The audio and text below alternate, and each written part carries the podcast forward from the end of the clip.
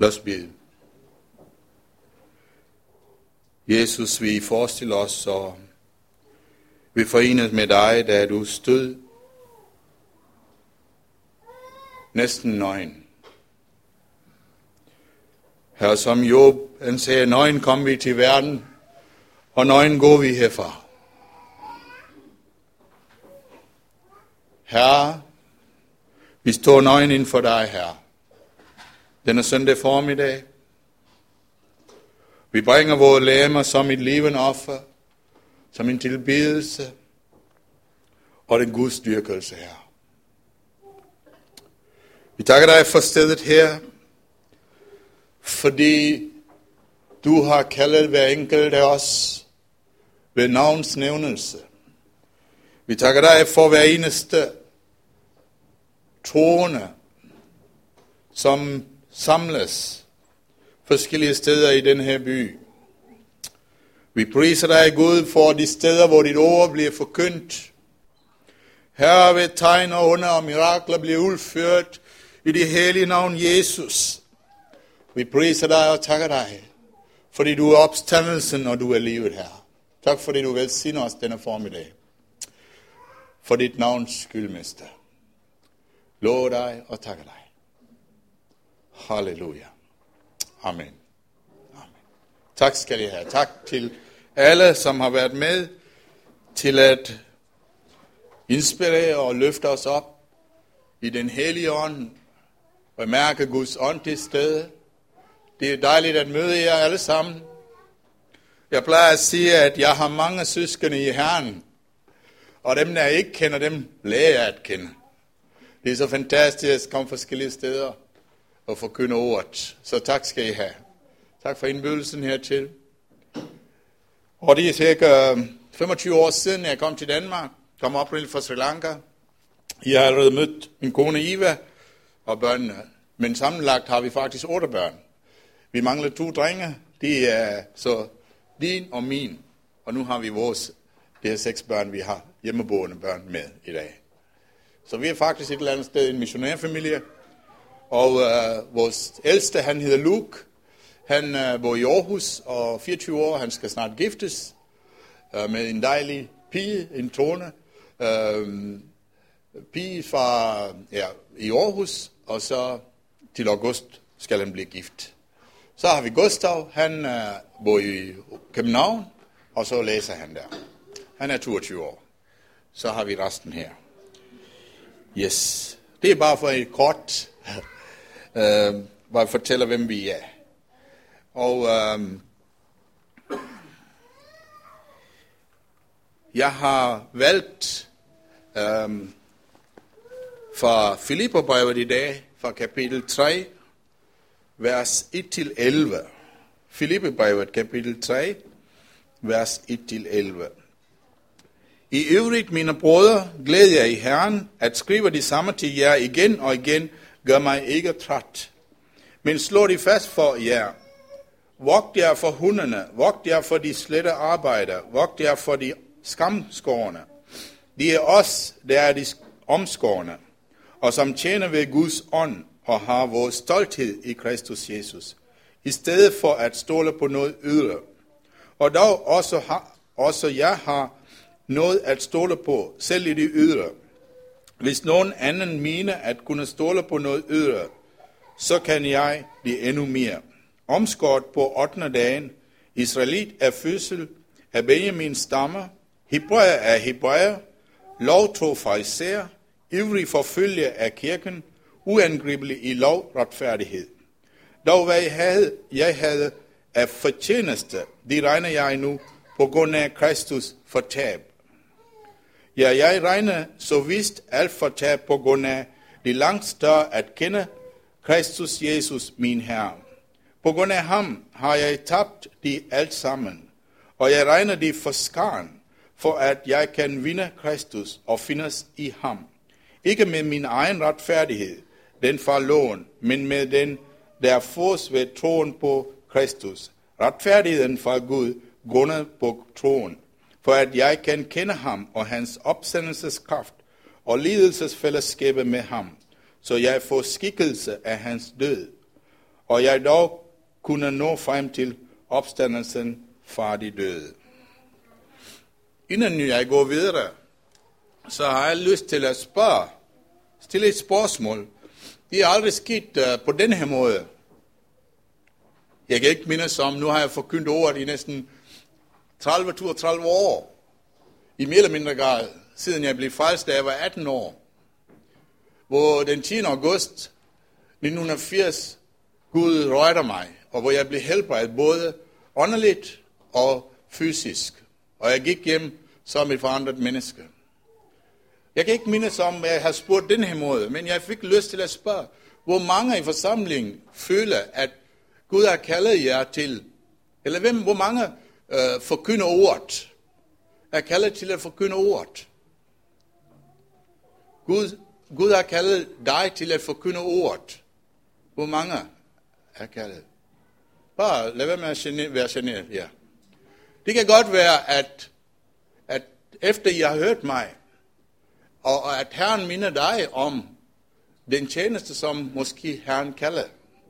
Udover jer, som har rejst hånden op. Men øh, dem, som Gud har talt.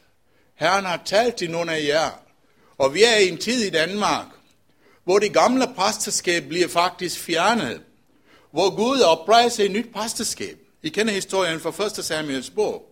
Hofni og Phineas. Kender I den historie? Hvor Hofni og Phineas, de bragte uheldigt offer for en herren. Og de var børn, eller Hofni og Phineas var børn af Eli, som var præsten, i, som tjente i templet. Men uh, der skete nogle ting i Israels historie, hvor Hofni og Finis, de levede ikke op til den kaldelse. Og det er også en alvarsel til os alle sammen, som er forkyndere, og som er i den her tjeneste. Det ypperste præstelige gerning, den har kun Jesus. Vi er et kongeligt præsterskab. Alle kristne er kaldet til at være præster. Halleluja. Vi er kaldet til at vide, hvem vi er i Kristus. Vi er et kongeligt præsterskab. Det vil sige, at Gud har ikke kaldet os til at være halen, men vi er hovedet i samfundet. Vi er hovedet. Det er der, hvor Guds placering. Jeg ved ikke, hvor du er, men det steder, hvor jeg kommer. Jeg kommer til at genere mange mennesker. Jeg kommer til at blive en plage. Har I hørt om den bor, Der er en, en norsk præst, han hedder Børge Knudsen, som er været en uh, øh, abortmodstander. En, en ikke-troende uh, journalist, der har skrevet bogen. Og han er blevet virkelig betaget af den her mands historie. Så skriver han, uh, selve bogens titel, den hedder En præst og en plage. ja, dog, de steder, hvor I kommer, I vil være til velsignelse for mange mennesker, men I vil også være til plage nogle gange. Det kan I være sikre på. Men det skal I ikke være bange for. Men min opfordring er, hvis Gud har lagt i dit indre, her Gud kalder mig til det her, så tænk lidt og snak med ham om det her. Jeg vil ikke gå og sige og profetere over den enkelte, med mindre I bliver bekræftet, og Helligånden bekræfter det. Og, men jeg vil opfordre jer at tænke virkelig den tjeneste, som Gud har kaldet jer til. Og tilbage til teksten. Og jeg har valgt emnet som alt for ham. Jeg snakkede med Torben øh, i går, og så nævnte, hvor jeg ville læse tekst, øh, hvilken tekst jeg skulle læse, og, og vi vil snakke om opstandelse. Øh, og så tænkte jeg bare, skal jeg kalde det opstandelse for det døde, eller hvad er det nu? Så kom det her med, teksten fortæller lidt om, hvor Paulus, han faktisk lagde alt andet til side for ham. Og der er en mand, som hedder Oswald Chambers. Hvor mange kender Oswald Chambers? En af gode gamle uh, prædikanter, lærer, Guds uh, mægtige mænd, der blev brugt. Uh, vi har en andagsbog, som er skrevet af ham. Og så alt uh, for ham. Og så bliver inspireret af kalde det alt for ham. Øhm, um. Yeah. Hvis I læser i Filipperbrevet, baggrunden for Filipperbrevet, det er faktisk et forsvar for evangeliet. Et forsvar for evangeliet. Det er en af de ting, som jeg ikke uh, hører ret meget om. At vi alle sammen er faktisk kaldet til at forsvare evangeliet. Vi har alle sammen et vidnesbyrd. For eksempel Johannes, han var i øen Patmos, hvor han var fængslet der. Der står i åbenbaringsbogen kapitel 1, at han var i fængsel for ordet og for vidnesbyrdets skyld. For ordet og for vidnesbyrdets skyld. Så det vil sige, at vi et eller andet sted, vi hører, et eller andet, hvad er det evangeliet, eller der er nogen, der snakker om kristendom, et eller andet. Vi er alle sammen kaldet til at forsvare. Men vi, vi er også kaldet til at forkynde evangeliet, de steder, hvor de ikke er blevet forkyndt. Det er de vores første opgave. Men i det øjeblik, man hører et eller andet, som ikke passer med evangeliet, så er vi kaldet til at forsvare evangeliet. Og hvis vi læser i Filipperbrevet, så er der to-tre gange, der er det nævnt, Paulus nævner til forsvar for evangeliet, siger han. Jamen, hvad er det, vi skal forsvare? Hvad er det, vi skal snakke om? Og hvad er evangeliet? Er det bare en, ja, men øh, i dag, når du tror på Jesus, så får du vinde i lotto, ikke? Er det det? Eller hvad er det, det her drejer sig om? Jeg tror, Paulus, han var virkelig nøjagtig, når han, da han beskrev i 1. Korinther kapitel 15, vers 1-4, forklarer han, da han kom til folk, først og fremmest, hvad er det, han forkyndte? Han siger, Kristus, han døde for vores sønder, og han blev begravet, og så opstod han igen. Det vil sige, at personen Kristus og hans død og opstandelse, det er evangeliet, den gode nyhed. Og det er det, evangeliet betyder, den gode nyhed. I starten, da Jesus begyndte at forkynde den gode nyhed om riget, Guds rige, Guds riges evangelium kaldte man. Ja, og efterfølgende, da Jesus kom, og han øh, gjorde sin tjeneste, og blev korsfæstet og opstod fra det døde, så fattede de, hvad de var.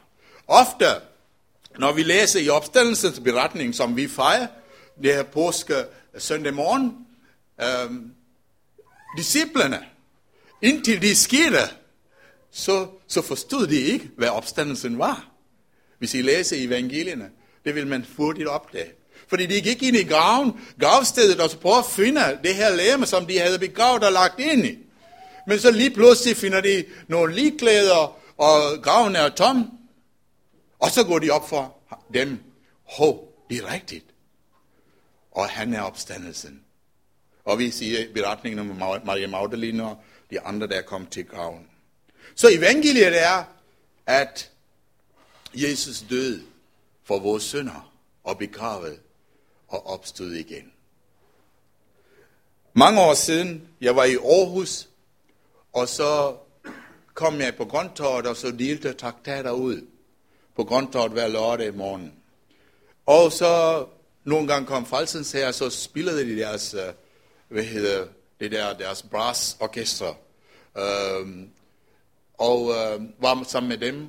For mig det var lige, ligegyldigt, hvem jeg tjente med, bare jeg tjente Herren. Så havde jeg en, nogle traktater, som hedder, kender du Jesus? Og dem giver jeg til de folk, der vil tage. Men mange gange så gik folk forbi, og de tog ikke de her traktater. Så lige pludselig kom det her med fra, jeg tror, de er fra den hellige ånd, at her, se dit folket. Det er jo en påske lørdag. Se dit folket. Der er ingen påske uden Jesus. Og der er ingen påskeferie uden Jesus. Så da jeg begyndte at sige det, så stoppede det i et øjeblik. Og så begyndte de at tage traktaten. Kan I se det? Ja.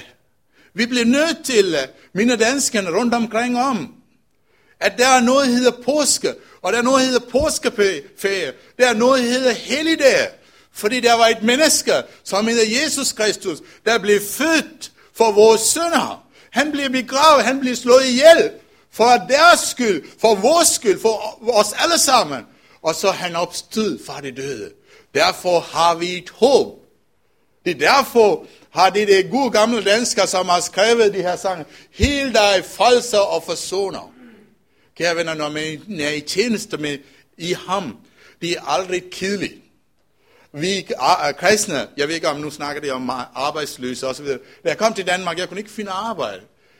Dels fordi jeg kunne ikke tale sproget, og der var mange ting. Og der var, der var man, man kunne ikke finde arbejde som øh, indvandrer lige med det samme. Men, men der kom et ord, og så sagde vi kristne er aldrig arbejdsløse.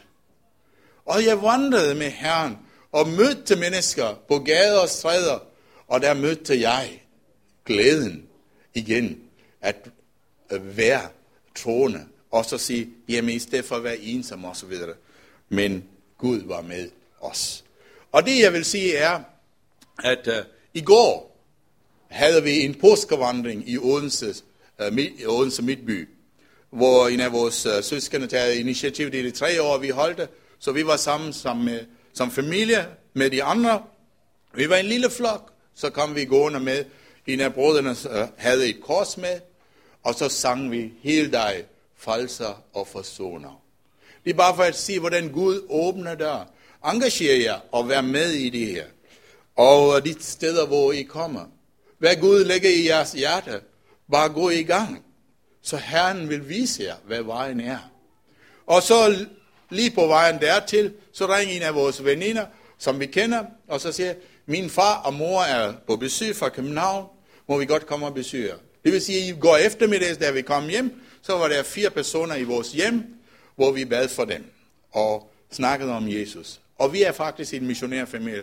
Gud åbner der, og går vi, eller sender Gud folk til os. Og det er det, der sker, fordi vi ved, at Jesus, han er opstandelsen, og han er livet. Vi skammer os ikke over evangeliet om Jesus Kristus, fordi det er Guds kraft til menneskers false. Halleluja. Har I alle sammen det håb, at hvis du ikke har, hvis du ikke ved, hvor du står hen, så vil Gud give dig det håb. Ja. Yeah. Hvad er evangeliet? Og vi snakkede lidt om ordets forkyndelse. Mange gange, når vi snakker om ordets forkyndelse, så forveksler vi bogstaven, det er loven. Lov og regler det, som er det. Men ordets forkyndelse, ordet om Kristus, det vi forkynder, det er ordet om Jesus Kristus. Det er ikke bare lovgærninger. Vi, vi hørte, hvad Torben læste, af, af lovgærninger, der er intet menneske, der falses. Fordi vi kan holde loven, og så videre, vi kan have masser af regler, og så videre, men det hjælper os ikke. Ja. Hvad er vores motiver, når vi forkynder ordet? Når vi læser Filipperbrevet, siger Paulus, jamen der var nogen, der faktisk øh, forkyndte ordet for at skade ham, men der er andre, de forkyndte med regn, på grund af nogle regne motiver. De andre, de hævdede sig selv, og dem, der kalder til at forkynde ordet, hvad er det for at hævde os selv, eller er det for at herliggøre Kristus? Det er de emner, Paulus takler om. Kristus bliver forherliget i fuld offentlighed. Det var Paulus' ønske med, hvad der sker med mit læme, siger Paulus. Jeg kan huske nogle år tilbage, uh, vi kom, uh, vi var på Sri Lanka til min uh, lille søsters bryllup. Jeg tror, det var i 2005. Og så um, et år før, tror nok, jeg, jeg mødte en familie, hvor jeg var alene på Sri Lanka på besøg. Og så mødte jeg den her kvinde, som var kommet til at hjælpe en af mine gode venners øh, hustru. Og så kommer hun til at sige farvel til mig, fordi hun havde hørt lidt fra om mig, og så siger hun, giver hånd og siger godnat. I det øjeblik, hun rører min hånd, så falder hun ned. Og jeg vidste ikke lige pludselig, gik de op for mig, hvorfor hun faldt. Det er jo fordi, hun var besat. Der var en urein ånd i den her kvinde. Og så skete det i 2005, så bad vi for hende, og der var, ja, jeg ønskede at komme tilbage til Colombo, fordi der var undtagelsestilstand. Jeg har hørt lidt om Sri Lanka, hvor der har været krig og så videre, ikke? Men undtagelsestilstand, jeg kunne ikke nå at komme inden klokken 8, og så sov jeg der. Men i 2005, da jeg kom, så var, havde vi kun halvanden timer. Fordi den her familie havde faktisk øh, set, hvad der var sket, Nu hende og hendes mand og fire børn var kommet til false gennem den her episode. Vi vidste ikke, hvad der var sket efterfølgende. Og så siger, går de og spreder ordet. Det ord om Jesus, hvad Jesus har gjort i deres familie, til alle deres slægtninger. Så da vi var i 2005, så fik jeg, og så fik vi den indbydelse, at vi skulle komme og bede for nogen. Og det eneste tidspunkt, vi havde cirka halvanden time, inden vi nåede øh, lufthavnen. Og så kommer vi dertil, og jeg havde været lige netop, Gud havde givet mig lige netop den her tekst. Det er derfor, jeg refererer det her til. Fordi hvis vi tænker på den her tekst, øh, tekst og der står Paulus og siger, at han vil betragte alt andet som skarn. Alt andet, som han havde, hans fortid, og de han, øh, den status, han havde som jøde og som israelit, og så fra øh, øh, Benjamin stammer videre. Der var nogen, der pralede på grund af deres ydre. Så siger Paulus, jamen hvis der er nogen, der har noget at prale af, så har jeg også noget. Men for at lære Kristus og hans opstandelseskraft at kende, det vil jeg betragte, jeg vil betragte alt det her som skarn. Vi kommer tilbage til det her skarn igen. Og det var det tekst, Gud havde givet mig. Så kom jeg til stedet.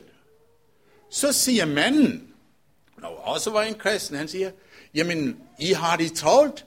Jamen, kan du ikke begynde at bede for? Så siger Helligånden, nej, du skal gøre, hvad jeg siger. Giv ordet. Og så stod jeg der og gav ordet. Jeg tror, det er der, der, hvad hedder, det var salvelsen gennem ordet, der brydede ord. Guds ord blev givet, og jeg forkyndte om Jesus Kristus og opstandelsen. Da vi begyndte at bede, min kone står her som vidne, der var fire, den ene efter den anden, der var fire dæmonbesatte i alt, der faldt ned, den ene efter den anden. Det er den opstandende Kristus, der virker i os. Halleluja. Så kære venner, det er, at vi forkynder og står for. Det er ikke noget, som vi har fundet på teoretisk, og en historie, vi har hørt. Men Kristus døde for vores sønder. Kristus er verdens frelser. Kristus manifesterer sit ord ved under og gerning og mirakler, udført gennem det hele navn Jesus. Halleluja. Hvor som helst han gik i Galileas gader og gader og stræder. Everywhere he went, he was doing good. Er en sang, vi synger. Hvor som helst han gik, han gjorde noget godt. Han manifesterede Guds kraft. Abraham, os, Isaac og Jakobs Gud. De levendes Gud. Opstandelsen betyder liv. Og det er fint nok. Jeg har hørt fra mit barns ben i den katolske kirke, at Jesus han er opstandelsen også videre. Men her begynder det at være, være en realitet i mit eget liv, også i tjeneste, da jeg kom til at opleve ham som 18-årig. En ting er at vide, at han, han er en historisk person. En, en anden ting er at opleve ham som den levende Kristus. Hvor er du hen, min ven, i dag? Oplever du ham? Jeg siger ikke, du skal have den samme tjeneste, som jeg har. Lad være med at gøre det. Fordi du kan ikke. Og jeg kan ikke være dig. Men Gud har en speciel plan til dig. Du er unikt, og jeg er unik. Vi er skabt efter hans plan og vilje. Halleluja. Kristus er opstandelsen, og Kristus, han er livet. Og jeg tænker bare på de muligheder, vi har, når Jesus Kristus, han manifesterer. Og øh, vi oplever i vores liv også helbredelse, fysisk helbredelse. Hvordan kan du gå til en dansker, en almindelig øh, dansker, og sige, jamen, Jesus han død, og han opstod. Vi kan det fortælle. Men ofte kommer de med behov. Det var det, der skete i går.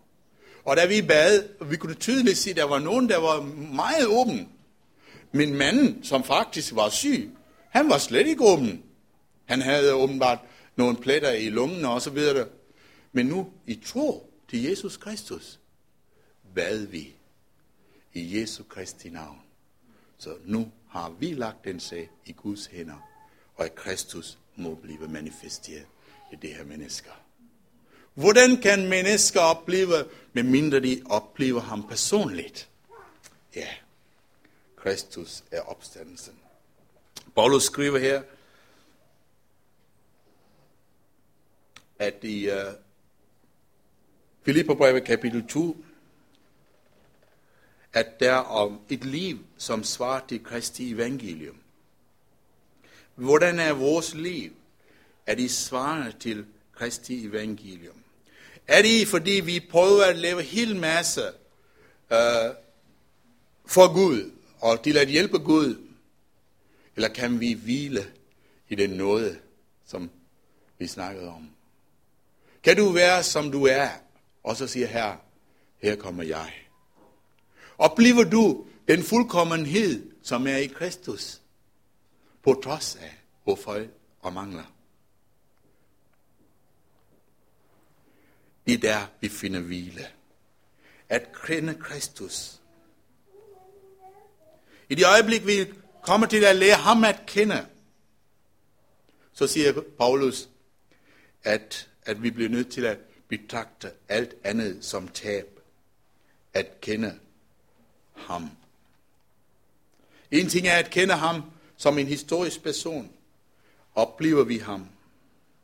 Paulus skriver her i, øh, for at jeg kan kende ham og hans opstandelseskraft og lidelsesfællesskabet med ham. Der er to ting, jeg vil gerne pege på. Opstandelseskraften. Og vi ved godt, vi synger, da jeg kom til Danmark, jeg kan huske, i 87, vi sang en sang, det er ikke længere mig, der lever, Jesus, der lever i mig. Det er en herlig sang. Fantastisk. Men hvad med lidelsesfællesskabet? Fordi det samme vers i Galaterne 2, vers 20, siger Paulus, jeg er korsfæstet med Kristus. Derfor er det ikke længere mig, der lever, Kristus, der lever i mig. Kan I se forskellen? Vi kan synge om opstandelse, men hvis vi ikke er korsfæstet, hvilken opstandelse snakker vi om? Det er bare tomhed. Men hans lidelsesfællesskab. Were you there when they crucified my Lord? Var du der? Skønhed i evangeliet. Hvis vi bare fortæller kun den ene eller den anden, finpakket, hov, jamen du kan opleve. Du kan opleve Jesus og komme ind. Men hvis vi ikke fortæller folk, hvorfor han bliver navlet til korset, hvorfor han døde for os, at de her, vi alle mennesker er syndere, syndere har syndet. Og der er bund fortabt. Skriften forklarer. Det kan godt være nogen, der har lyst til at løbe skrigende bort. Men de gør ikke noget. Fordi der arbejder Gud i deres liv. Der er et formål med det. Men i næste øjeblik kommer Kristus og løfter dem op. Og så siger, ved du hvad? Det hele er givet af noget. Og noget alene. Halleluja. Forlad dig Gud. Og forlad dig mennesker. Hvordan oplever du? Oplever du lige pludselig i dit liv? Vi har en her, et herligt møde her. Og søndagen fantastisk fællesskab med søskende i Kristus. Og når man kommer hjem og som familie, hov, der sker ikke noget. Går du og tænker, hvorfor har jeg ikke den samme begejstring? Prøv at tænke på de ting, som man i hverdagen oplever. Skole og børn og arbejde osv. Går du og tænker, mærker du, at du føler dig ligesom forladt af mennesker, forladt af Gud? husk en ting. Det er også en del af Kristi ledelsesfællesskab, vi alle sammen kan gå igennem. Og mange gange bliver vi faktisk snydt. Vi føler, det er måske også et angreb. Der kan der også godt være angreb af satan og mange andre ting. Men vi skal jo også huske, i det øjeblik lige der, hvor man siger, jeg er på Herrens mark lige nu. Det er der, hvor Gud griber ind. Lige præcis der, hvor opstandelseskraften manifesterer. Jeg plejer at bruge det her billede ofte med mennesker, når vi møder, særligt når de kommer med deres store problemer. Så siger jeg, jo længere vi går ind gennem et tunnel, så er det mørkt, og man mærker ikke noget. Men vi skal bare huske, på den anden side er der lys. Der er et hul igennem. Der er lys på den anden side. Og det er vigtigt, at vi husker det. Når vi går gennem ledelsesfællesskabet, det var en del af korset, så er den opstandelse nær. Fordi, hvorfor? Hvorfor er det? Fordi der står skrevet, den tredje dag skal han opstå. Så den opstandelse, som du og jeg i den situation, du står i, den kraft, der kommer, det er ikke din. Det er den kraft, som er allerede manifesteret i Kristus. Og hver eneste som troende, som har deres liv til Kristus, oplever den her kraft som en automatisk kraft. Fordi hvis vi går gennem hans ledelsesfællesskab, så skal vi opstå med ham. I Filipperbrevet så er der også en, et vers, der siger, at vi skal arbejde, kapitel 2, arbejde med frygt og bæven på vores false. Nej, ikke på grund af vores arbejde, at vi bliver falsk. Nej, men på vores false. Den false, som Gud har givet os. I virkeligheden false, ordet false er faktisk nævnt i flere sammenhæng, tre forskellige sammenhæng. Fortid, det var den dag, nu hvis du er en, som er født på ny, har mødt Kristus. Den dag du møder ham, eller han møder dig, hvor han føder dig på ny, og så kommer du nutiden, ligesom dag en dag i dag. Jeg kender ikke de problemer, eller de ting, som du øh, døjer med. Her siger Paulus, at vi er kaldet til at arbejde på den falske, vi allerede har fået, med frygt og bæven. Det var så fantastisk, da vi sang lovsang. Det var så fantastisk for mig at blive korsfæstet. Skønheden at blive korsfæstet med Kristus. Det er slet ikke pinfuldt. Fordi Kristus, han er, han død for os. Han har allerede oplevet de smerte, som du og jeg skal opleve. Men tilbage til os står der en undren over. Kender I den der fornemmelse? Når I synger og leder lovsang, også lovsangsleder, mærker en undren over, Herre, er det for mig, at du gjorde det her? Herre, er det virkelig rigtigt det her? På trods af, at jeg har sunget hele igennem. Herre, i de mange år har vi igen og igen men hver eneste gang vi synger om korsfæstelse opstandelse, Herre, elskede du mig så meget? Hvorfor mig, Herre? Hvorfor mig? De har du lov til at tænke og tro. Det er rigtigt nok, der er millioner af mennesker, der går for tabt. Det er rigtigt nok. Men i øjeblik, hvor du og Gud er til stede, i øjeblik, hvor du forenes i Kristi lidelser, og opstandelseskraft. Jeg har vi lov til at tro og være med i det her. Højsangen, vi synger en, øh, en, et par vers. My beloved is mine, and I am his. En intim relation, en integritet, noget der ikke bliver berørt før. En, en, en, en relation, en, en, en, en tilstand, hvor det er ham og dig. Der kan du mærke måske lige pludselig, at du er blevet forladt af mennesker forladt af Gud. Det er faktisk vejen til at bringe dig i det tilstand. Jeg ved ikke, sådan oplever jeg det. Og det var det, Paulus siger. Med frygt og bæven, at vi skal arbejde på vores frelse.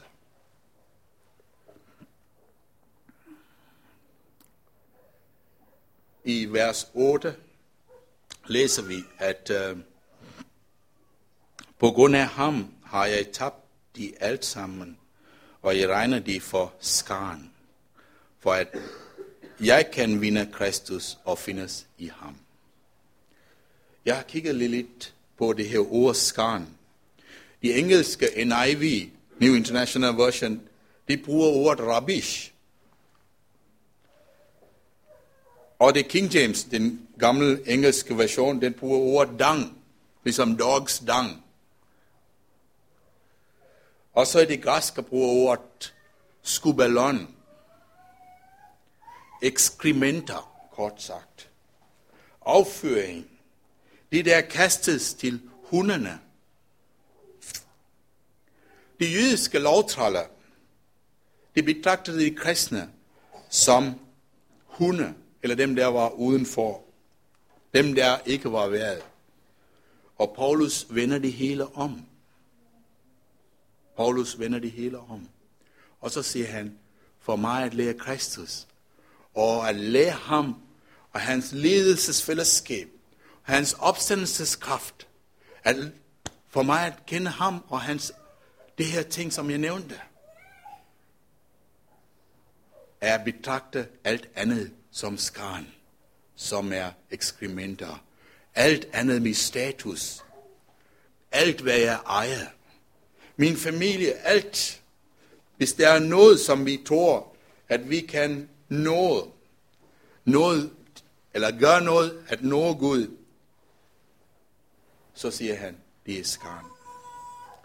Og jeg vil afslutte med det her tanker. Tænk lige lidt i forhold til dig, dit personlige liv i dag. Hvad ønsker du i det nye opstandelsesår, hvis jeg kalder det, at opleve her i Hadslev, i din by, i din menighed. Jeg tror, nøglen står der øh, klart. Guds ord, og det er, jeg siger nogle dejlige lokaler, nogle, noget som Herren har givet jer, og Herren vil se jer. Det her sted. Nu ved jeg ikke om, uh, jeg kan se en fantastisk børnearbejde, I har. Jeg vil også opmuntre jer i forhold til bøn. Nu ved jeg ikke, hvor, meget, hvor mange der kommer sammen og bede, og bede om vækkelse. Hvordan er opstaldelses- og lidelsesfællesskabet i dit liv personligt? I hjemmet. Kære venner, i dagens Danmark, vi er faktisk i en situation, at øh, hvis folk ikke kommer hertil, så bliver vi nødt til at gå der. Jesus sagde faktisk, gå og gå og gå. Og når vi møder dem, og de har et behov, vi kan også bede dem til at komme. Men vi i, på Fyn, vi har åbnet vores hus. Siden I og jeg blev gift, sikkert snart 17 år siden, så har vi haft vores hjem åbent. Hvad med dit hjem? Er der mulighed, hvor folk kan komme ind, hvor du kan bede for dem og betjene de her mennesker? Har du selv brug for hjælp?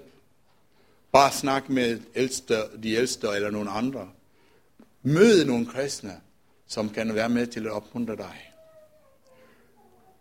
Der var en mand, som hed John Knox i øh, England og Skotland. Ja, han var faktisk fra Skotland. Han var en katolsk præst, som øh, kom til at opleve Guds nåde og blive frelst. Så kom han dertil, hvor han sagde, jamen, jeg har prøvet mange ting i mit liv. Jeg har til, tilhørt den største kirke, organisation, den katolske kirke også ved det. Men jeg har ikke oplevet glæde. Og så siger han, efter han blev frelst, Gud giv mig Skotland. Ellers vil jeg gerne dø. Jeg har ikke brug for at leve mere. Fordi, ligesom Paulus sagde, for ham var det at leve var Kristus, og døden var en vinding. Han var kommet dertil. Nu er ikke for at spolere jeres fremtid, eller alle de fremtidsplaner i måndskyld. Men er du kommet dertil, jamen, jeg har også en dejlig familie. Men vi har indviet vores liv. Derfor da Gud tager os igennem nogle situationer. Er du også kommet dertil, hvor Gud tager dig i de forskellige situationer, og du kan sige, der er noget mere i det her liv. Det er noget mere. Der er noget mere end hus og biler og skole og arbejde og sådan noget. Er du kommet dertil? Og Gud gav John Knox Scotland. Gud gav John Knox Scotland. Og der var ild, Helligåndens ild i Skotland og England. De her mennesker, de vandrede rundt. En som John Wesley, han kom foran Herren og fire timer om morgenen. Og så Gud gav Helligånden kraft. Og på hesteryg, det siges, at der er over 300.000 kilometer på hesteryg. Der var ingen biler. Forkyndte, og de tændte ild i England og Skotland. Den metodiske, metodiske kirkes opståen. De her mennesker, de indvidede deres liv. Og de begyndte at betragte alt andet som skarn, for at lære Kristus og hans opstandelseskraft at kende. Og vi vil meget gerne bede sammen med jer i dag. Nu ved jeg ikke, hvordan uh, tingene udvikler sig. Må Gud velsigne jer. Herren vær med jer. Og den kamp, vi skal kæmpe i Danmark, det skal vi kæmpe fra hos til hos. I Nazareth Jesu Kristi navn. Halleluja. Lægger hænderne på de syge, for de skal blive raske. Halleluja. I de sidste tid, Herren lov os, mine sønner og døtre, profeterer Ezekiel kapitel 37, hvor profeten siger nogle døde knogler. Vi kunne se det, i døden knogler. Og så næste øjeblik er kommet en raslen.